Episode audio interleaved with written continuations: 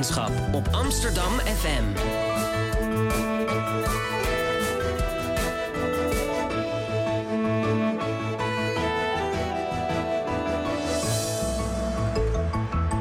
Radio Swammerdam.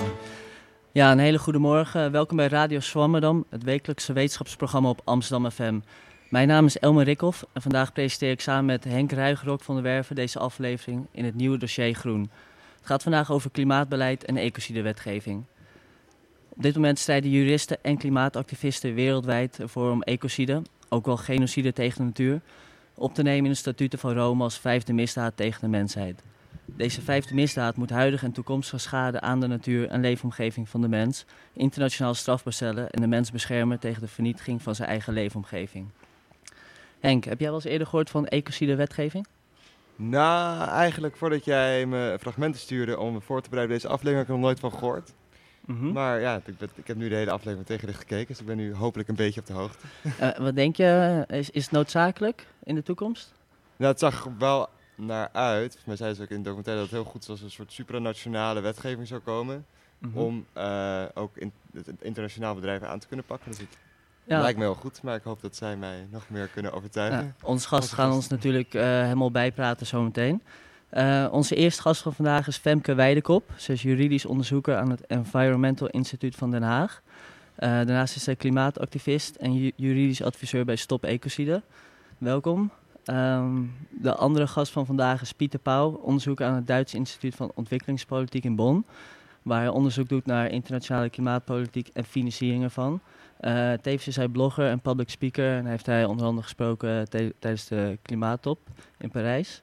Ehm, nou, welkom allebei. Dankjewel. Ja, eh, Femke, je hebt in het verleden nog iets gedaan voor Amsterdam FM, toch? Hoe is het om weer terug te zijn op het oude nest? Leuk, ja, ik maakte vroeger het programma samen met Bert van Galen. Dat was op de woensdagavond op het Tamrak. Eh, maar ik heb nog nooit op deze locatie in de OBA eh, gezeten. En ik ben ook nog nooit eh, in een live programma geïnterviewd. Dus ik vind het wel heel leuk om dit mee te maken. Oké, nou ja, voor, voor alles is een eerste keer. eh, en eh, heb jij al, eh, wel, wel meer ervaring op de radio?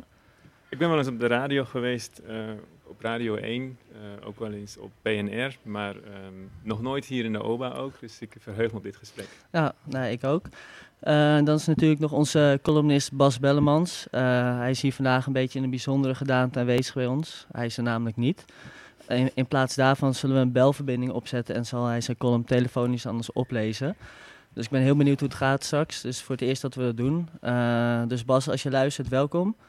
Ehm, ja, het eerste fragment dat ik graag wil laten horen is de zaak Urgenda.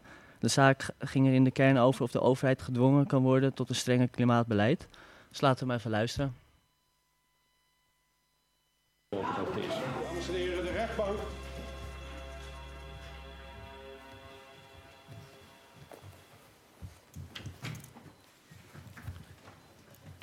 Dan zal ik nu overgaan tot het uitspreken van het vonnis. Deze zaak gaat in de kern over de vraag of Urgenda de staat kan dwingen om de uitstoot, de emissie van broeikasgassen, in het bijzonder CO2, verder te beperken dan uit de voornemens van de Nederlandse regering voortvloeit. Bij velen zal de vraag opkomen of deze kwestie wel geschikt is om te worden beslist door de niet gekozen rechter. De staat stelt dat het hier in wezen om een politieke kwestie gaat, die in deze vorm niet in de rechtszaal thuis hoort. De rechtbank overweegt hierover als volgt. De rechter biedt rechtsbescherming en beslist in rechtsgeschillen. Hij moet dit ook doen als dat van hem wordt gevraagd. Het is een wezenlijk kenmerk van de rechtsstaat dat ook het handelen van zelfstandig democratisch gelegitimeerde en gecontroleerde politieke organen kan en soms zelfs moet worden beoordeeld door de onafhankelijke rechter. De rechter treedt daarbij niet in het politieke domein met de daarbij behorende afwegingen en keuzen. Hij moet zich los van iedere politieke agenda beperken tot zijn domein, de toepassing van het recht. De rechtbank beveelt de staat dat de uitstoot in Nederland in het jaar 2020 zal zijn gereduceerd met ten minste 25 procent ten opzichte van het jaar 1990. Anders gezegd, het berusten in een geringere reductie is onrechtmatig tegenover agenda. Dan kom ik.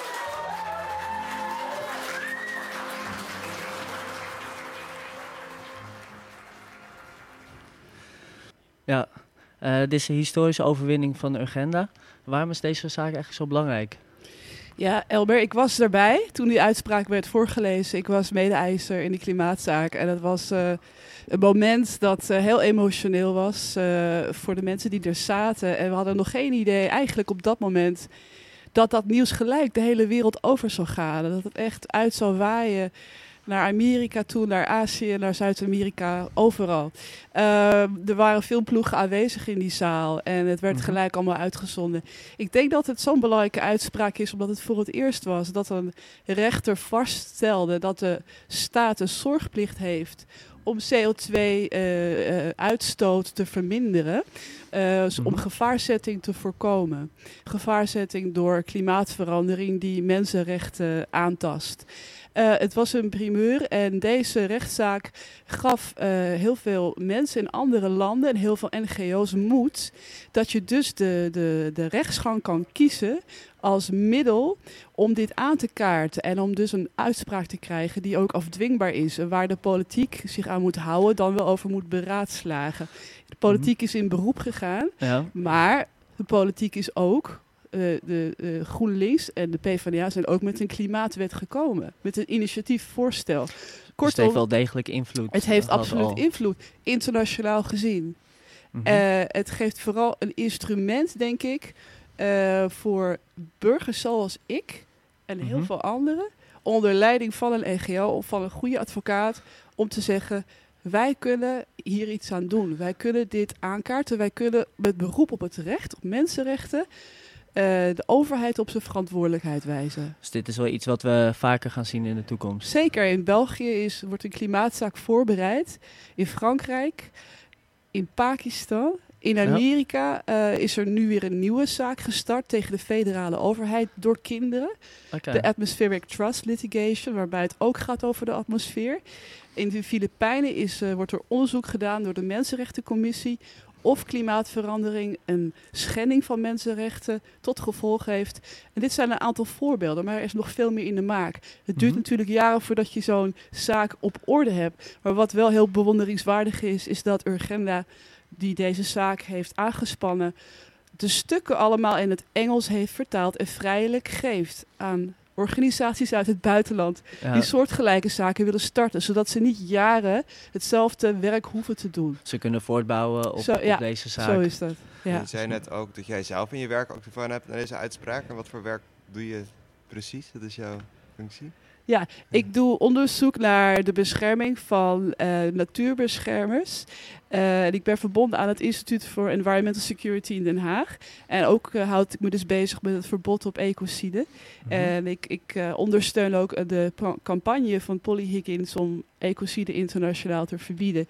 Ik was, zoals ik zei, mede-eiser in de klimaatzaak eigenlijk uh, zijn dat verschillende routes om toch hetzelfde probleem aan, uh, aan te kaarten. Even of je het nou over klimaatzaak hebt of over ecocide of ook ja, wellicht klimaatadaptie. Uiteindelijk gaat het natuurlijk om hoe kunnen wij uh, de aarde en de atmosfeer weer zo gezond mogelijk doorgeven aan toekomstige generaties.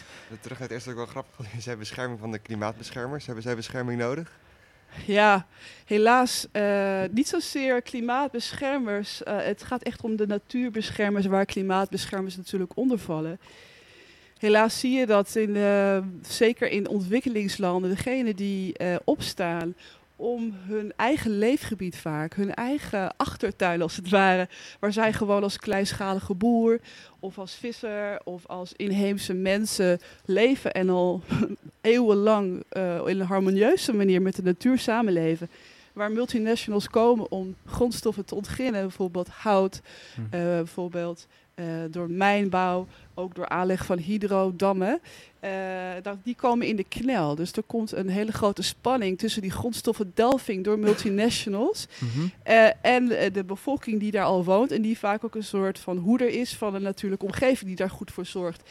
En wat je dus ja, de laatste jaren duidelijk wordt, is dat er minstens twee per week worden vermoord. Omdat ze de natuur willen beschermen. En eigenlijk is dat cijfer veel hoger Want uh, dit cijfer is gebaseerd op een deel van de landen. En de Afrikaanse landen vallen daar niet eens onder. Dus wat wij hier eigenlijk in alle veiligheid kunnen doen, is op heel veel plekken van de wereld levensgevaarlijk. En ik voel heel veel bewondering voor die mensen die wat, toch dat werk doen. Wat, wat, zouden we kunnen doen om deze mensen te beschermen? Ja, dus dat is een heel goede vraag. Nou, uh, er is een soort Nobelprijs voor milieubeschermers. die heet de Goldman Prize. De winnares van de Goldman Prize is vorige week vermoord, terwijl ze wereldbekend was. Terwijl mhm. de Hondurese overheid haar moest beschermen. Het Inter-Amerikaanse Hof van de Rechten van de Mens had opdracht gegeven om haar te beschermen, want ze werd al heel lang bedreigd. Toch is ze vermoord. Het is werkelijk schandalig en verschrikkelijk. Mhm. Wat kunnen we hier aan doen? Nou, één ding is om hier dus meer rugbaarheid aan te geven. En om dit gewoon te verspreiden, dit nieuws, dat dit gebeurt. Het is ook het gevolg van natuurlijk de manier waarop de grondstoffen worden gewonnen. Wat vaak gepaard gaat met ecocide. En met letterlijk ja, het in de knel zetten van de bevolking in die landen. Om natuurlijk een manier van leven te voeden zoals wij die hier uiteindelijk hebben. Daar komt het ook op neer. Er is natuurlijk een verband tussen waarom zijn die mhm. grondstoffen nodig en wat voor levensstijl houden wij erop na. En, en zou uh, deze uitzending staat ook een beetje een teken van ecocide-wetgeving. Ehm, zou zo'n uh, wetgeving daarbij kunnen helpen? Ja, zeker. Want Misschien kun je ook even kort uitleggen eerst uh, wat eigenlijk ecocide-wetgeving ja. inhoudt. Ecocide is een grootschalige vernietiging, een beschadiging van ecosystemen. En je kunt denken aan inderdaad het, het, het kappen van uh, grootschalige stukken in de Amazone, het vervuilen van de Niger-delta in Nigeria, uh, het leegvissen van de oceanen, bijvoorbeeld de teerzandwinning, uh, waarbij gewoon de grond enorm wordt kaalgeslagen en er allemaal chemicaliën worden gespoten. En ook met um, de fracking, hetzelfde verhaal natuurlijk, waarbij het grondwater en de grond wordt vervuild en ook heel veel methaan uh, vrijkomt. Eigenlijk mhm. al die manieren waarop er, waarop er dus fossiele brandstoffen worden gewonnen of waarop er uh, kolen worden gewonnen en, en hout. Of, uh, of, of uh, bijvoorbeeld met hydrodammen, wat op zich wat schoner lijkt dan fossiele industrie, is toch heel schadelijk vaak voor ecosystemen. Omdat bijvoorbeeld rivieren worden verlegd en hele stukken soms onder water worden gezet. Um, en hoe, hoe, kan zo'n ecocide-wetgeving uh, on, ons dan helpen om, om dit soort dingen te voorkomen? Nou, het, het, voorstel is dat, dat je dit gaat erkennen als zijnde ecocide. Dan heb je bepaalde criteria waaraan het moet voldoen. Het moet een grootschalige beschadiging of vernietiging zijn. Uh, het moet uh, een bepaalde termijn aanhouden, één of twee seizoenen lang. Uh, er moet natuurlijk het bewijs moet je ervan kunnen vinden. En dat dit dus internationaal verboden wordt onder het statuut van Rome. Dat is het verdrag van het internationaal strafhof. Mm als dit inderdaad verboden wordt, dan wordt het voor bedrijven niet langer uh, toegestaan juridisch. Het wordt niet langer legaal om winst te maken op een manier die, die grootschalige vernietiging tot gevolg heeft. Dus ze worden eigenlijk beperkt in hun manier van winst genereren. Net zoals het nu verboden is om winst te genereren door mensen te mhm. verhandelen, door slavernij, zou dat ook een verbod worden van manieren waarop je geld kan verdienen. Dus de bedoeling is vooral om het als een soort katalysator te gebruiken richting een schonere, duurzamere economie. Nou. Eigenlijk ook bijna een steun aan bedrijven dat ze kunnen innoveren in een duurzame richting. Dat ze zeker weten dat dit verboden is internationaal gezien. Zodat er ook zeg maar, ze niet bang hoeven te zijn dat als zij zeg maar heel netjes gedragen, maar elders maken mensen op die manier wel, verdienen ze hun geld, dan hebben ze natuurlijk een nadelige positie. Dus het is een soort level field creëren voor alle bedrijven ter wereld. Wat, wat stel, uh, zo'n wet wordt uh, internationaal aangenomen. Uh, wat betekent dat dan uh, concreet in de praktijk? kunnen de, kunnen, ja, zeg maar de CEO's van deze bedrijven aangeklaagd worden? Ja, of? ja dat is inderdaad de opzet. De opzet is dat de, de CEO's, degene die de uiteindelijke verantwoordelijkheid en controle hebben over de beslissingen die worden genomen. Uh, dat die persoonlijk aansprakelijk kunnen zijn als er ecocide plaatsvindt. Dus dat zij strafrechtelijk kunnen worden vervolgd. Ook uh, staatshoofden, want het internationaal strafhof kan dus juist staatshoofden ook aanpakken. En natuurlijk zijn daar moeilijkheden in en natuurlijk heb je ook met politiek te maken. Maar het is wel baanbrekend dat er wordt erkend dat er misdaden zijn internationaal. Waar je zeg maar, die zo schandalig zijn, waar tegen opgetreden moet kunnen worden. En ecocide was bedoeld om daar ook al aan toegevoegd te zijn hè, in de jaren negentig, toen dat statuut werd gecreëerd. Uiteindelijk is dat niet gelukt. Wij willen dat dat nu gebeurt. En als ecocide strafbaar is, dan betekent dat dat eh, in eerste instantie de status zelf tot actie moet eh, overgaan. Want het strafhof neemt pas in laatste instantie actie. Dus Ja. dan zou er gewoon voor de nationale rechtbanken... kan er dan strafvervolging worden ingesteld. Omdat Nederland ook ecocide-wetgeving moet implementeren en toepassen. Waarom is het in de jaren negentig niet doorgegaan uiteindelijk? Ja, dat is een goede vraag. Er was wel eens brede steun voor het opnemen van ecocide in het statuut van Rome. Aanvankelijk. Eh, het merendeel van de landen was er Eh, op een gegeven moment heb je dan van die rapporten en commissies die zich buigen over de ex- exacte teksten. Ehm, toen eh, bleek dat er, toen gingen ze bij alle landen na, nou wat vinden jullie van dit voorstel, van dit conceptverdrag? Er waren vier landen die zich ehm, niet konden vinden in het toevoeg- toevoegen van ecocide. Dat waren Amerika, Engeland, Frankrijk en Nederland. Die vier landen. Amerika is uiteindelijk, heeft het verdrag niet eens ge- eh, geratificeerd. Is geen partij, maar oorspronkelijk was het wel betrokken. Het heeft het wel ondertekend. Eh, de reden waarom dat zo is, daar kan je naar gissen. Eh, er zijn eh, vermoedens dat de lobby van de, de, de kernwapenlobby een rol heeft gespeeld erin. Het is niet zwart op wit terug te vinden. Alleen deze suggestie is boven water gekomen. Dat er Ja. belangen waren, eh, eh, belanghebbenden waren, die, die hier op tegen waren. En uiteindelijk is... ik kan me voorstellen, bijvoorbeeld de grote bedrijven die in Nederland ook wel rijk is, de multinationals, die, er niet, dat, die moeten heel veel inleveren als ecocide eh, op die manier verboden wordt. Ja, zeggen. natuurlijk. Ja. Ja. Ja. Dus eh, uiteindelijk is het eh, eh, van de verdragtekst verwijderd op een onorthodoxe manier. Niet door een stemming van de leden van de commissie, maar doordat de voorzitter van de commissie eigenlijk het zelf van het als agendapunt heeft verwijderd.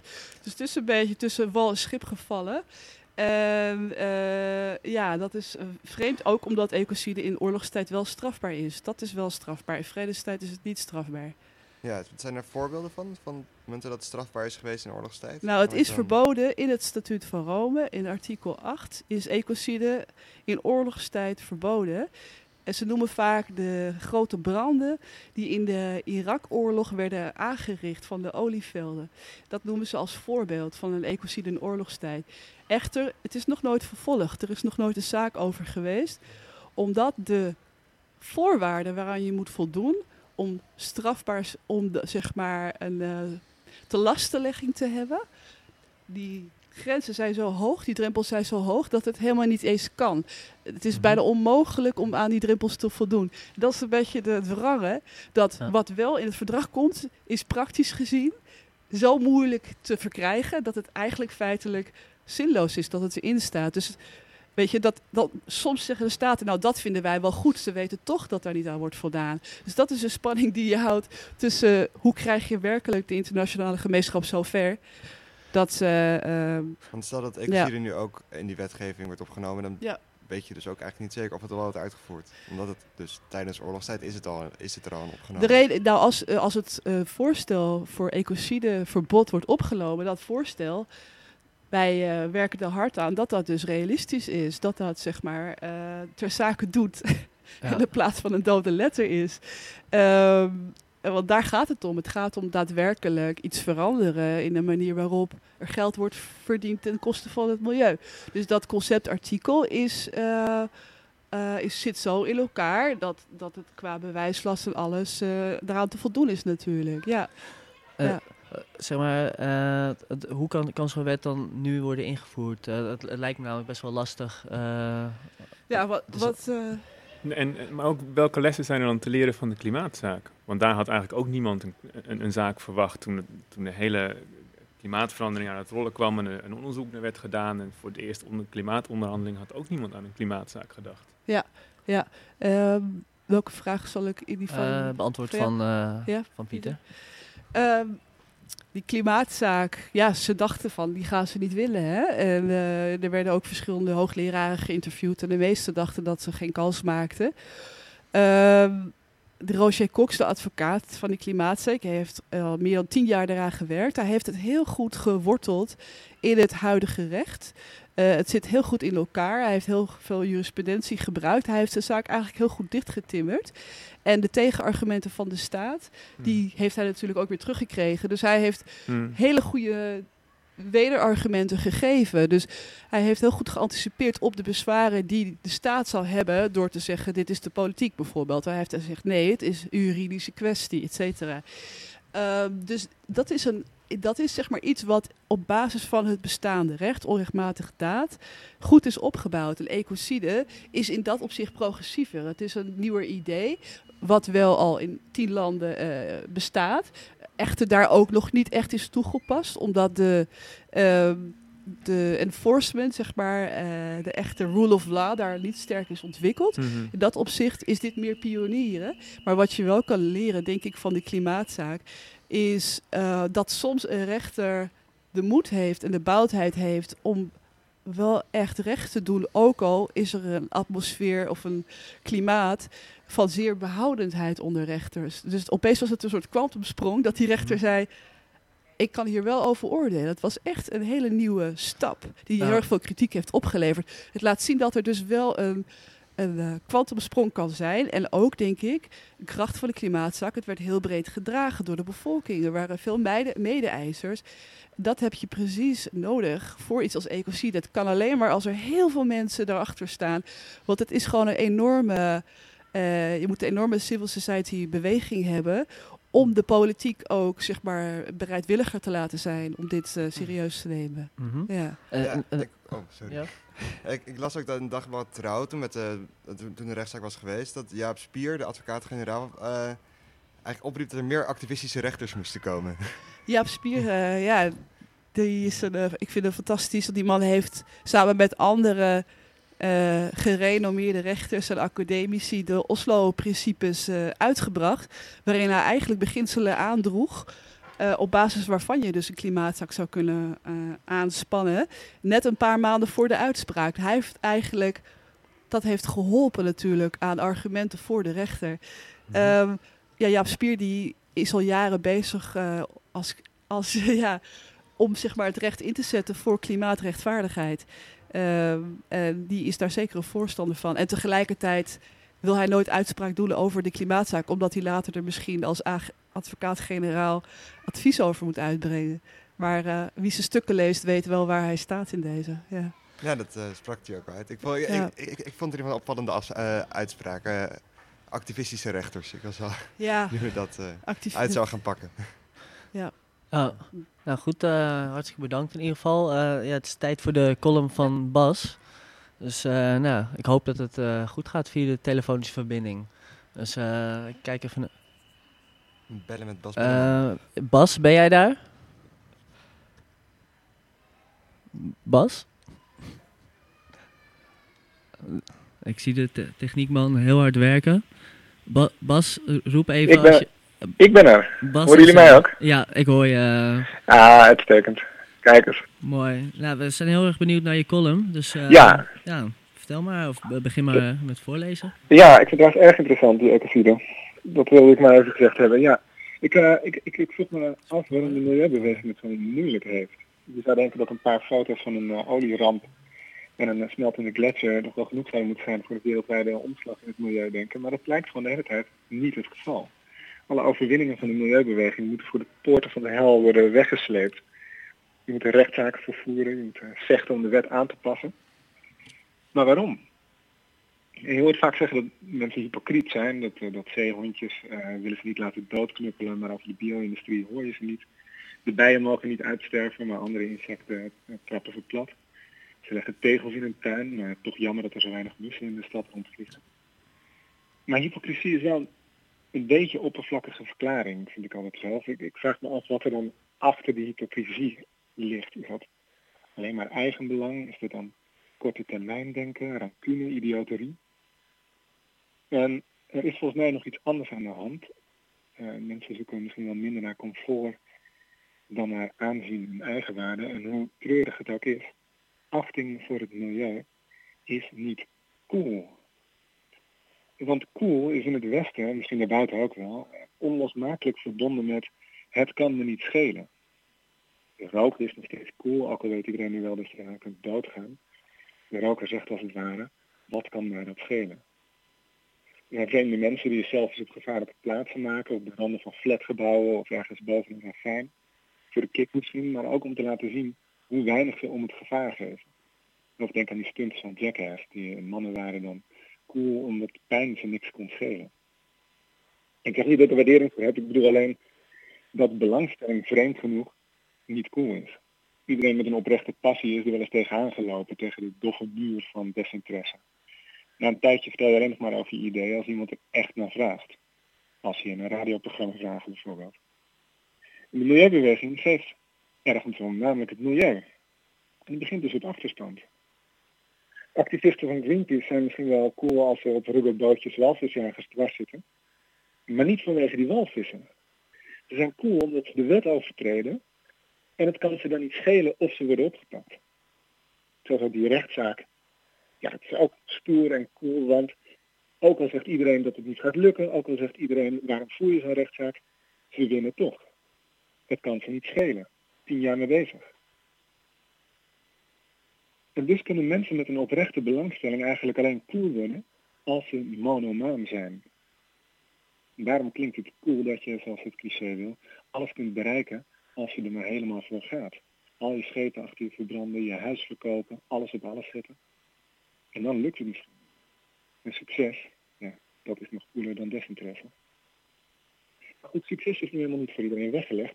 De meeste van ons moeten voor hun coolness uit de eeuwige bron van desinteresse putten. En dat helpt niet mee als je het milieu wil redden.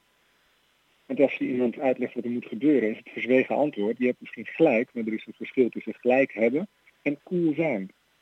Rondrijden in een snelle auto, ja natuurlijk, dan flikkert toch goed met je milieuvervuiling en maximum snelheid. Een auto met een stekker heeft niet diezelfde allure. Het belastingvoordeel moet wel heel groot zijn, wil je daarin gaan rondrijden.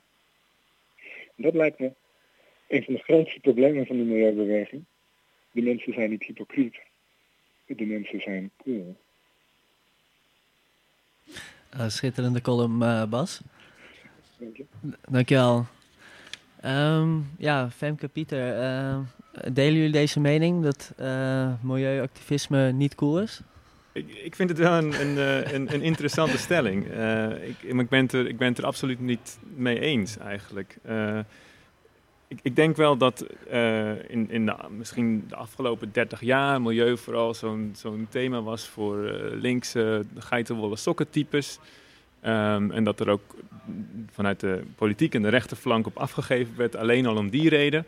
Maar dat is, dat is compleet, compleet veranderd, denk ik. Uh, ik bedoel, denk alleen al aan een, aan een Tesla. Dat is geloof ik sneller dan alle andere auto's zoals die optrekt.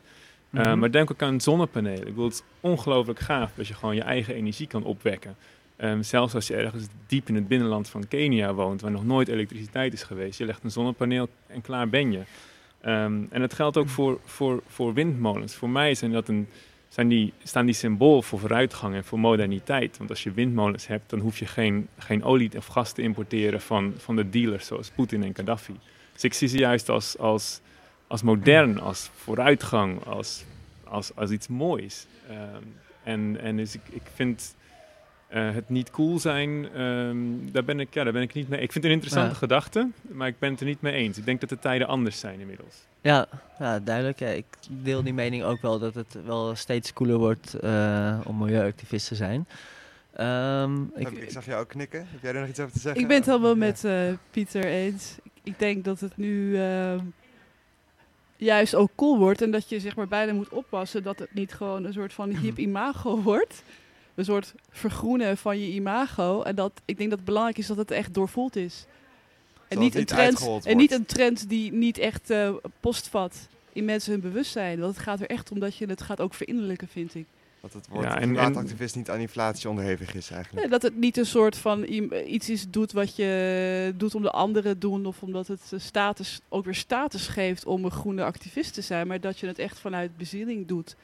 Dan is het duurzaam. Ja, en, en, en realistisch zijn erin. Hè? Want je, je ziet nu uh, in Duitsland, maar, maar ook in Nederland... een enorme boom in, in biologisch eten bijvoorbeeld. Um, dat is vaak duurzamer, maar soms ook niet. Supermarkt Ehm, als een markt en eh, met, met een Q in de stag. Dat ja, soort, dat ja, soort dingen. ja. En eh, het zijn leuke initiatieven. Maar, maar als, ik, als, ik, als ik daar iedere dag boodschappen zou doen. Een markt is er dan niet. Een markt is er niet in Bonn, zo één. Maar ehm, als ik iedere dag boodschappen doen, dan eet ik misschien niet duurzamer. Maar als ik vervolgens een weekendje naar Londen vlieg omdat ik lekker ga shoppen. eh, vliegen is, is veel, veel vervuilender dan, dan biologisch eten of gewoon eten. Dus je moet ook realistisch zijn en, en weten waar je echt een slag kunt maken en, en een, bij, een- een bijdrage kunt leveren. Ja, ja duidelijk. Ehm, ja, we gaan zo meteen verder praten met eh, Pieter Paul ehm, over klimaatbeleid. Maar ik wil eigenlijk eerst luisteren naar een fragment van Lubach. Ehm, ja, dus kom maar. Ze zijn eng en lelijk. Ze komen eraan. Ze spreken de taal niet. Niemand wil ze in zijn dorp. Je wilt je dochters er niet langs laten fietsen. En ze slaan wild om zich heen. Dan heb ik het natuurlijk over... Hey, stelletje racisten. Ik heb het over windmolens. Gewone, witte, Hollandse, roomblanke windmolens. Deze dingen. Want Nederland is een echt windmolenland. Dat was zo in de 17e eeuw en dat is nu weer zo. Als ik met Arjen's vrijdagavond disco party door het land rijd... dan kom ik er honderden, nee, duizenden tegen. Als, als vieren mijlpalen langs de weg naar de toekomst. Wij, wij Nederlanders, wij leven van de wind. Dat, dat zit in ons bloed. Andere landen kijken jaloers naar ons groene paradijsje. Want wij zijn 17 miljoen duurzame motherfuckers. Het e- enige kleine probleempje is eigenlijk eh, dat het niet klopt. Het, het is totale onzin. Deze week is onderzocht hoe duurzaam we denken dat Nederland is. Kijk, check dit even uit. Daar gaat hij. Wij denken gemiddeld dat 39% van onze energie duurzaam wordt opgewekt. Dat denkt u en ik. Maar nu even, hoeveel is het in werkelijkheid? Daar gaat hij. 5,6% Wauw. Dit is de grootste zelfoverschatting sinds die keer dat ik dacht dat ik enorm ging binnenlopen met Arjen's vrijdagavond disco party festijn. Doen andere landen het dan beter? Nederland staat onderaan in Europa als het gaat om duurzame energie. De laatste cijfers komen uit 2014. Toen was IJsland koploper met 76% duurzame energie. Ook Noorwegen en Letland doen het goed. Bijna onderaan Nederland, 5% duurzame energie. Alleen Malta en Luxemburg deden het nog slechter. We staan bijna onderaan qua groene energie. Alleen nog boven Malta en hekken sluiten Luxemburg. Of eigenlijk hekken niet sluiten Luxemburg. Want als ze die hekken gewoon een keer dicht zouden doen... waren ze waarschijnlijk al een stuk duurzamer. Maar waarom staan we zo laag? Dat vraag ik aan onze premier Mark Rutte. Waarom lopen we zo achter in Nederland? We hebben natuurlijk een bijzondere situatie dat we een van de meest dichtbevolkte landen ter wereld zijn. We liggen in een rivierdelta. eh, dus in alle opzichten zijn er ook bijzondere omstandigheden. Oh, oh ja, we liggen in een rivierdelta eh, en de brug stond open. De hond heeft met milieumaatregelen opgegeten. Eh, plus ons land heeft natuurlijk een beetje de vorm van een leeuw. Eh, maakt het heel moeilijk. Ja. Kijk, België heeft bijvoorbeeld meer de vorm van een sponsje. Dat scheelt. En het rijmt op Elgië. Ja, dus daar ga je al. Smoesjes, Mark. En nu kun je zeggen, wat boeit het ons dat we onderaan staan? Nou, er zijn keiharde afspraken gemaakt. Met de wereld, met Europa, met onszelf. We moeten in Nederland in 2020 aan de Europese norm voldoen. 14% van alle energieopwekking die moet eh, duurzaam zijn. En in 2023 moet dat meer zijn, 16%. Ehm, ja, Pieter. We hoorden net een fragment van Lubach. Ja. Ehm, ja, Nederland staat onderaan de lijst als het gaat om duurzame energie. Ja. Wa- Wat is er eigenlijk mis met het Nederlandse klimaatbeleid? Welk Nederlands klimaatbeleid? Ehm, nee, Ja. er- daar, er is ontzettend veel mis met het Nederlandse klimaatbeleid. Ehm, er, is, er, is, er is eigenlijk een compleet gebrek aan ambitie. De Nederlandse politici, nou ja, laat ik zeggen de regering, Mhm. begrijpt niet dat je niet kunt aanmodderen met hier nog een molentje erbij, daar nog een molentje erbij. Je moet het grootschalig aanpakken en je moet uiteindelijk in de aankomende decennia de hele economie herstructureren. Uh, Mhm. Maar hier wordt het zo stapje voor stapje geprobeerd. En, en dat lukt niet. Dus uh, die cijfers van Arjen Lubach die kloppen. En die zijn een groot contrast bijvoorbeeld met Duitsland, wat inmiddels 30 hè, dus niet 5,6, maar 30% van de elektriciteit duurzaam opwekt. En Duitsland heeft wel een, eh, een structureel eh, beleid? Ja? Duitsland heeft sinds uh, 2007, sinds kort na Fukushima, hebben ze, um, dus 2011 is het dan, hebben ze de, hebben ze de, de energiewende en hebben ze de kerncentrales, zetten ze stil. En daar hebben ze een heel duidelijk stappenplan tot aan 2050 met ook heel veel tussendoelen en, en doelen voor verschillende sectoren. Ehm, en en ze, houden, ze houden elkaar daar ook echt aan. En het ministerie van Milieu daar heeft een, een flinke vinger in de pap en er wordt echt hard gewerkt. Mhm. Ehm, in Duitsland wordt de energiewende wel vergeleken met de, met de, met de, eerste, eh, met de eerste maanlanding. Dus we, we gaan iets proberen waarvan we nu denken misschien kan het helemaal niet. Maar omdat het moet, omdat we het willen, gaan we het doen. En Nederland is, eh, ja, heeft een, een, een energieakkoord ook, waar, waar politici vaak heel erg mee pronken. Ehm, maar het is een soort, ja, ik, ik noem het niet gepolderd, maar verpolderd. Dus het is een soort compromis waar, compromis waar iedereen dan blij mee, of ah, iedereen accepteert het, maar niemand is er echt blij mee. Ehm, ambities ontbreken, als je de experts vraagt. En, en minister Kamp krijgt het niet eens uitgevoerd. En wat moet er volgens jou dan eh, gebeuren eh, eh, om wel tot een duurzaam beleid te komen hier in Nederland? Ehm, nou ja, wat ik zei, realiseren dat dit, dat dit een, een maanlandingsproject is. En niet, niet een versie, niet, een, niet een, een project waarbij je even een klein stapje hier doet en nog een klein stapje daar. En weet je wat, misschien doet de stad Rotterdam nog wat mee, of misschien is hier nog een keer een ondernemer. Het is een, het is een, het is een, het is een grote missie waar het hele land aan mee moet doen. En we hadden het zojuist al even over ecocide-wetgeving. Eh, ja, denk, denk je dat dat een noodzakelijk onderdeel is eh, eh, van een structureel beleid? Of, of tot, tot een structureel beleid te komen? Ja, ik, ik ben natuurlijk geen ecocide-expert. Ik, ik heb met veel interesse geluisterd naar hetgeen wat alles verteld is net. Ehm, ik denk dat het een instrument zou, een van de instrumenten zou kunnen zijn om, om stevige klimaatbeleid te voeren.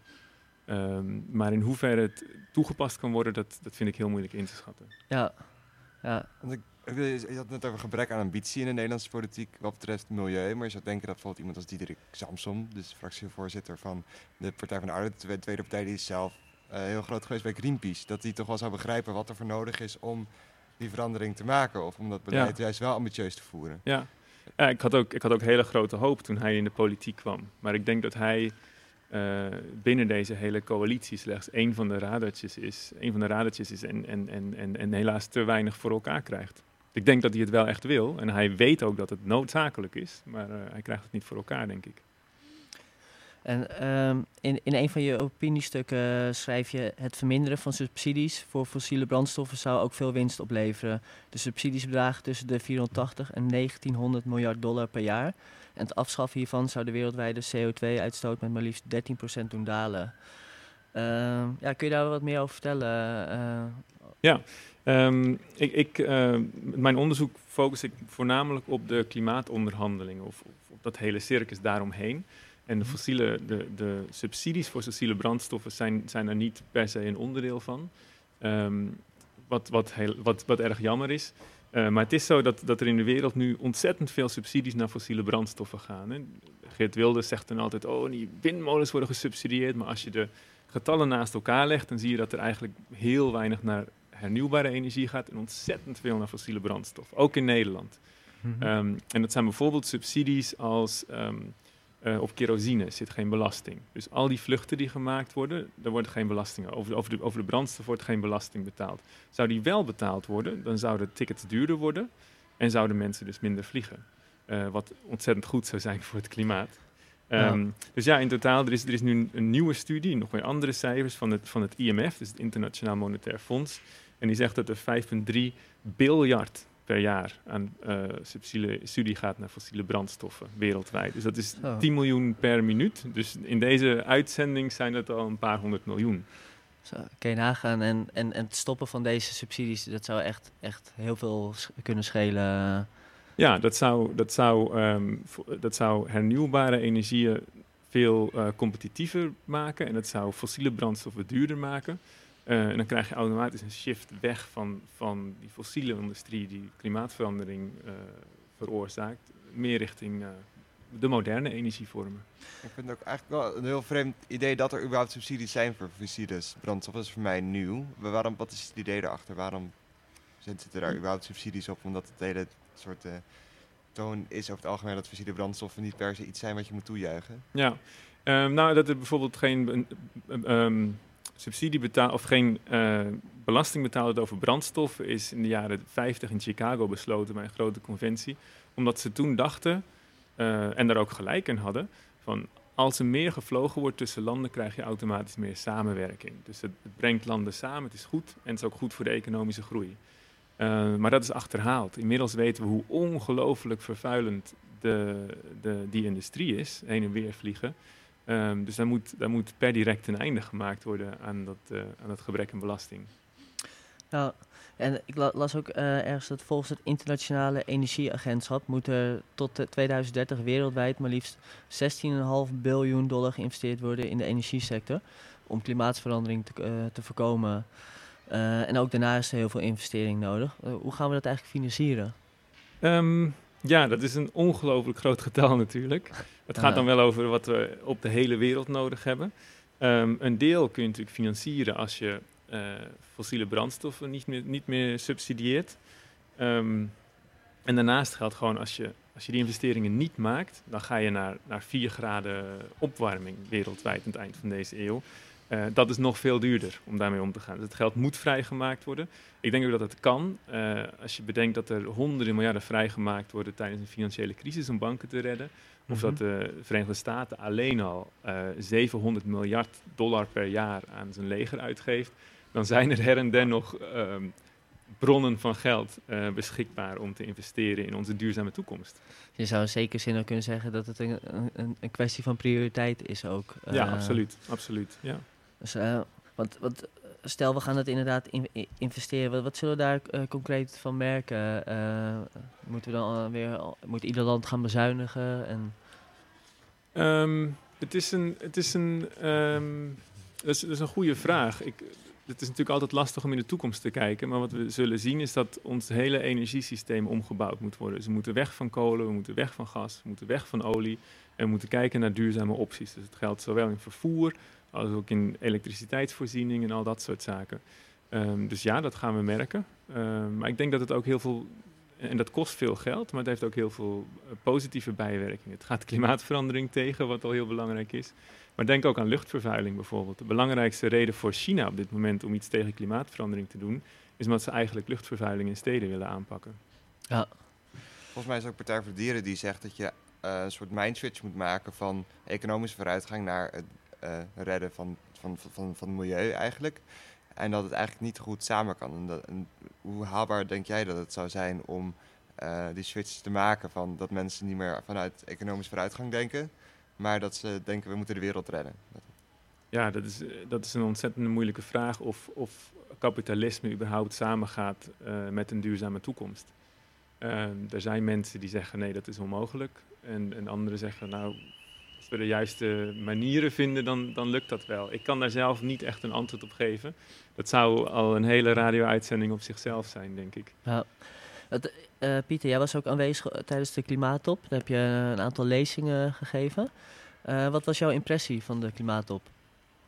Um, het was, ja, ik, ik, ik ben daar inderdaad uh, bijna twee weken geweest. er is natuurlijk een, een, akkoord uitgekomen, de Paris Agreement, um, over hoe wij met alle landen in deze wereld uh, toch gaan proberen om klimaatverandering tegen te gaan. En dat is een, een, een, een historische uitkomst. Dat is, um, er zijn verschillende manieren om, om uh, de uitkomsten uit te leggen. Sommige mensen zeggen, dit is, is ongelooflijk, dit is meer dan we ooit hadden kunnen verwachten. En andere mensen zeggen, ja, maar het is nog lang niet genoeg. En, en, en zelfs Cagnete, dus de uh, DG Energy van, van de EU, die zei, ja, heel goed, maar nu moeten we aan de slag. En, um, en dat is het. Maar het was een, het was een ongelooflijke goede conferentie. Heeft Frankrijk, uh, de, hè, de, het, het, oude diplomatieke Frankrijk bloeide weer helemaal op. Ze hebben uh, meer dan 140 wereldleiders bij elkaar gebracht, tienduizenden deelnemers. En dat zo'n akkoord er ligt, is voor een groot deel echt te danken aan Frankrijk. Ja, want de eerste waar ik aan dacht van, ja, uh, natuurlijk heel mooi dat er zo'n uh, klimaatakkoord is, maar Mm. uh, wat betekent dat? Gaan, we, gaan landen zich daar nu wel aan houden, aan het akkoord? Uh, ja, ze moeten zich er nu aan houden. Een land wat het niet doet, krijgt een klimaatzaak aan de broek. Daar komt het eigenlijk op neer. Een van de redenen waarom de klimaatzaak, waarom Urgenda gewonnen heeft, is omdat Nederland altijd wel heeft beloofd dat ze klimaatbeleid gaan voeren, maar het niet doen. Um, en ook zo'n akkoord weer, als het, dit, dit, gaat nu ondertekend worden um, en het treedt in werking als 55 landen het ondertekend hebben. Mhm. Um, dan, dan, dan treedt het in werking en dan moeten landen echt iets gaan doen. Nou, want uh, de eerste vijf jaar worden landen niet gecontroleerd of ze zich aan de afspraken houden.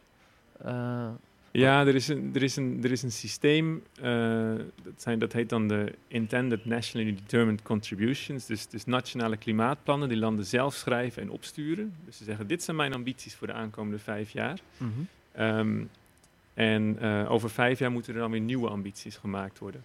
En het, het naleven of het, of het controleren van of die ambities uitgevoerd zijn, ligt politiek heel gevoelig. Dus, dus China heeft eigenlijk gezegd, en, en de VS ook, van uh, ik wil best bij andere landen controleren, maar ik wil niet dat jullie bij mij komen controleren wat ik doe. Uh, ja. Dus dat ligt heel gevoelig. Um, maar er zijn allerlei manieren om, om dat toch na te gaan of plannen uitgevoerd worden. En, en omdat, er, omdat er is afgesproken dat er ieder vijf jaar een nieuw plan gemaakt moet worden, wat, wat significant ambitieuzer is dan het voorgaande plan, uh, is er toch een soort controlemechanisme ontwikkeld. Nou, ja, wat critici zeggen uh, uh, natuurlijk van, ja, dan wordt de eerste vijf jaar uh, gebeurt er niks. En dan, dan hebben we weer vijf jaar verloren van de, van de kostbare tijd. Die, deel jij die mening? Ja, we hebben uit het verleden geleerd dat het um, onmogelijk is in, in onderhandelingen die zo complex zijn. Want het gaat uiteindelijk niet om een milieuprobleem hier. Het gaat over, over de, de structuur van de, van de wereldeconomie van de toekomst.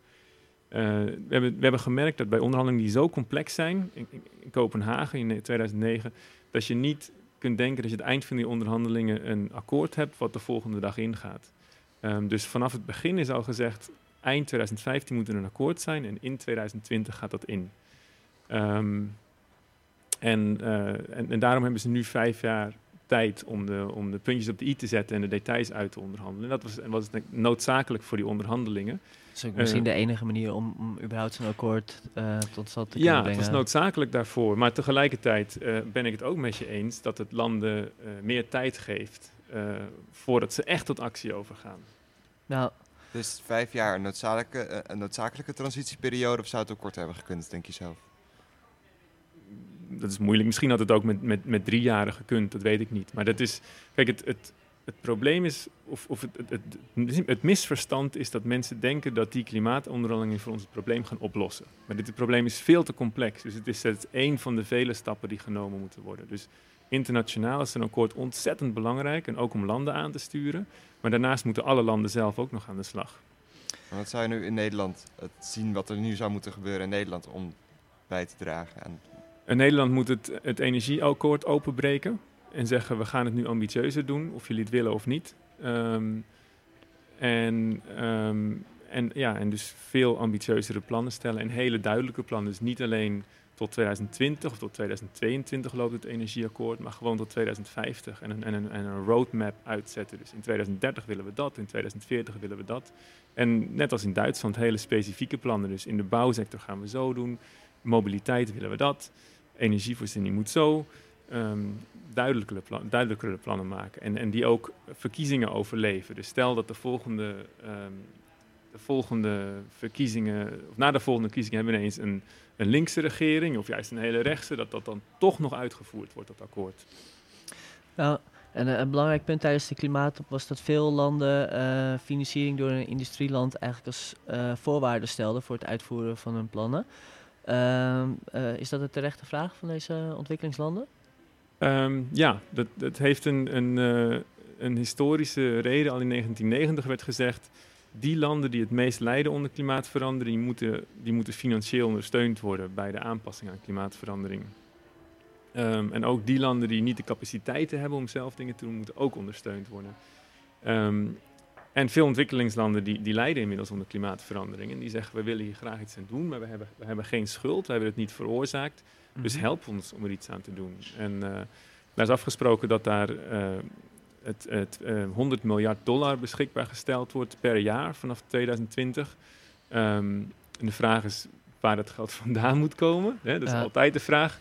Uh, maar het is denk ik volledig terecht. Uh, je zou kunnen zeggen dat dat een minimum is, die 100 miljard. Misschien van de accijns op kerosine. Dan. Da dat zou heel veel geld uh, op kunnen leveren, ja. Ja, wat, wat, ja dat, dat, is eigenlijk de vraag die me opkomt. Is 100 miljard dan voldoende? Of, nee, de, de, de uitdaging...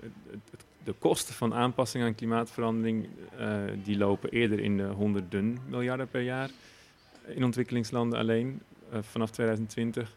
En kosten van het voorkomen van klimaatverandering, dus mitigatie, hebben we het eerder over gehad, dat is, dat is nog veel duurder. Ja, en uh, ik heb nog een vraag. Uh, de, de, uh, tijdens de klimaatop waren eh, de meeste lobbyisten voornamelijk corporate. En veel klimaatlobbyisten, zoals onder andere Polly Higgins, die strijdt voor ecocidewetgeving, die werden niet toegelaten. Um, Misschien het verschil ik tussen denk de twee niet even uitleggen. Oh. Dat weet ik niet hoor, of Higgins niet werd toegelaten. Oké, Weet ik niet. dat, dat, dat dacht ik. Oké. Dus dat- Ja, ze hebben, er is daar een, een, een systeem dat je als organisatie geaccrediteerd moet zijn. En dan mag je een lijst opstellen van mensen die je graag naar de onderhandeling wil sturen. Mhm. En afhankelijk van hoeveel mensen zich aanmelden, krijg, krijg je dan een aantal badges. Ehm, en in principe kan iedere organisatie zich daar accrediteren. Ehm, hoe dat verhaal zit met Polly Higgins weet ik niet. Eh, d- er is daar, eh, er is daar, de private sector of het bedrijfsleven is daar aanwezig. Maar er zijn Mhm. bijvoorbeeld ook heel veel NGO's die daar lobbyen. Ja, dus de, de verhouding NGO's en eh, bedrijfsleven was wel, eh, was wel in verhouding. Dat, dat kan ik heel moeilijk inschatten, dat weet ik niet precies. Ja. Ehm, even kijken. En volgens mij gaan we weer even naar een fragmentje luisteren. Eh, van eh, Ben van Beurden. Heb jij Nieuwsuur gezien deze week? Ja, ja, ja. Met, Ja, met, met, met die, met die baas van Shell. ja, de Ben van Beurden. Ja. Precies, ja, een rare man, toch? Ja, Daar was iets mee. Over, over klimaatakkoord in Parijs ging dat Precies, ja. Op het klimaatakkoord hebben ze afgesproken van eh, de CO2-uitstoot die moet eh, teruggedrongen worden. Ja. We mogen nog maximaal 2 graden temperatuur laten stijgen, anders Ja. gaan de landen overstromen. Nou, dat wil je niet. Nee. Hè? Dat is een hele relevante vraag dus om aan Shell te, te vragen van... hé jongens, wat gaan we doen? Weet je wel? Wat, wat, wat gaan we doen? Gaan we water doen? Gaan we wind doen? Gaan jullie, eh, weet ik veel, gaan jullie eh, home trainertjes in de, in, in, in, de- in de, in de, eh, Bedrijfskantine, ja, zetten? Kan, kan allemaal. Ja. Maar wat zegt Ben van Beurden dan? Die zegt dan dit. Ik pomp alles op wat ik kan oppompen om de vraag te, te, te, eh, te vervullen. Ja. Oppompen. Lijkt mij in strijd met het hele klimaatakkoord. Maar, ja, dat eh, lijkt mij ook behoorlijk. Dat is het allerdomste wat je kan doen, toch? Dus zijn we weer. Ehm, ja, we zijn eh, eigenlijk toegekomen met het laatste gedeelte. We hebben niet heel veel tijd meer. Ehm, ja, nou goed, 170 landen of meer dan 170 landen hebben het klimaatakkoord ondertekend. Eh, ja, ho- hoe gaan we er nou voor zorgen dat het ook daadwerkelijk wordt uitgevoerd? Eh, wil iemand een slotwoord geven? Ja, als ik, als ik kijk naar die, naar die internationale politiek en de onderhandelingen, dan moeten dus de jaren tot 2020 nu gebruikt worden om, zoals ik zei, de puntjes op de i te zetten, de details uit te werken. Dus hoe gaan we ervoor zorgen dat, dat wat we hier afspreken ook echt geïmplementeerd wordt?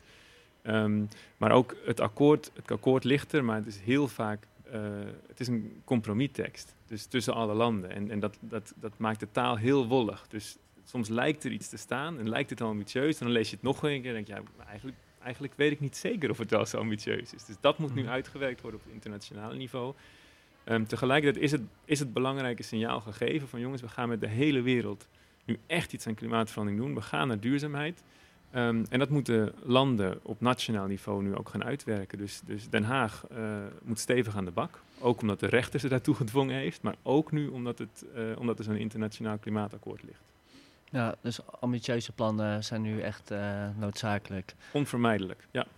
En, jij, Femke, wil je nog iets toe te voegen? Ja, ik wil nog iets toevoegen over eh, klimaatadaptatie. Want een onderdeel van het voorstel om ecocide te verbieden is om ook te verplichten dat eh, de in- internationale gemeenschap een verplichting heeft om landen die getroffen worden door natuurlijke ecocides, zoals eh, een tornado's en tsunamis en eh, verhoging, overstromingen door het verhogen van de zeespiegels, dat die eh, westerse landen eigenlijk een verplichting hebben om die landen, de, vaak de kleine eilandstaat, te assisteren als er een Mhm. natuurlijke ecocide gebeurt. Eh, in Parijs eh, was er eerst sprake dat er een climate, eh, climate Migration Coordination Facility zou komen, waarbij er dus hulp zou worden geboden aan de Small Island Development States, die eh, waarschijnlijk een territorium zien verdwijnen de komende eh, eh, jaren helaas. Dat daar dus vanuit de internationale gemeenschap een financieel assistentie bij zouden zijn. Helaas is dat niet gelukt en we hopen dat via Ecocide daar toch ook hulp kan worden geboden aan, aan dat soort landen. Oké, nou, ik dank jullie beiden voor jullie komst. We zijn aan het einde gekomen van de aflevering van Radio Zwammerdam over klimaatbeleid en ecocidewetgeving. Uh, ik dank mijn collega Henk en uiteraard de gasten Femke Weidekop en Pieter Pauw voor hun komst. Graag gedaan. Uh, ik bedank ook de columnist Bas, die op speciale manier aanwezig was vandaag. Achter de knoppen stond Lieve Heremans, ook bedankt. Uh, Femke, jij bent nog bezig met een boek over dit onderwerp? Ik ben een boek aan het schrijven uh, waarin ik groene pioniers uh, interview. Misschien dat ik na afloop Pieter Pauw ook even ga interviewen voor mijn okay. boek over hun werk voor, voor de aarde. Hoe ja. heet het en wanneer komt het uit? Um, de titel hou ik nog even geheim. Als het goed is komt het in het najaar uit. En het gaat om mensen die een stem zijn voor de aarde. Oké, okay. en Pieter, jij, jij hebt ook nog een blog waarop je artikelen publiceert? Ja, ik schrijf uh, met enige regelmaat opiniestukken voor, voor het NRC. Mm -hmm. uh, en die staan ook allemaal op mijn website. Um, Piet, Pieter Pauw. .eu. EU. Ja. Okay. En daarnaast ben ik bezig met het afronden van mijn uh, promotie over financiering van adaptatie in ontwikkelingslanden. Oké, okay, mooi. Nou, fragmenten kunnen later vandaag terugluisteren op de website van Amsterdam FM. Ook hebben we een podcast waar u de hele uitzending kunt terugluisteren. Uh, volgt u ons ook via Facebook en Twitter. Mijn naam is Elmer Rikhoff. Graag tot volgende week.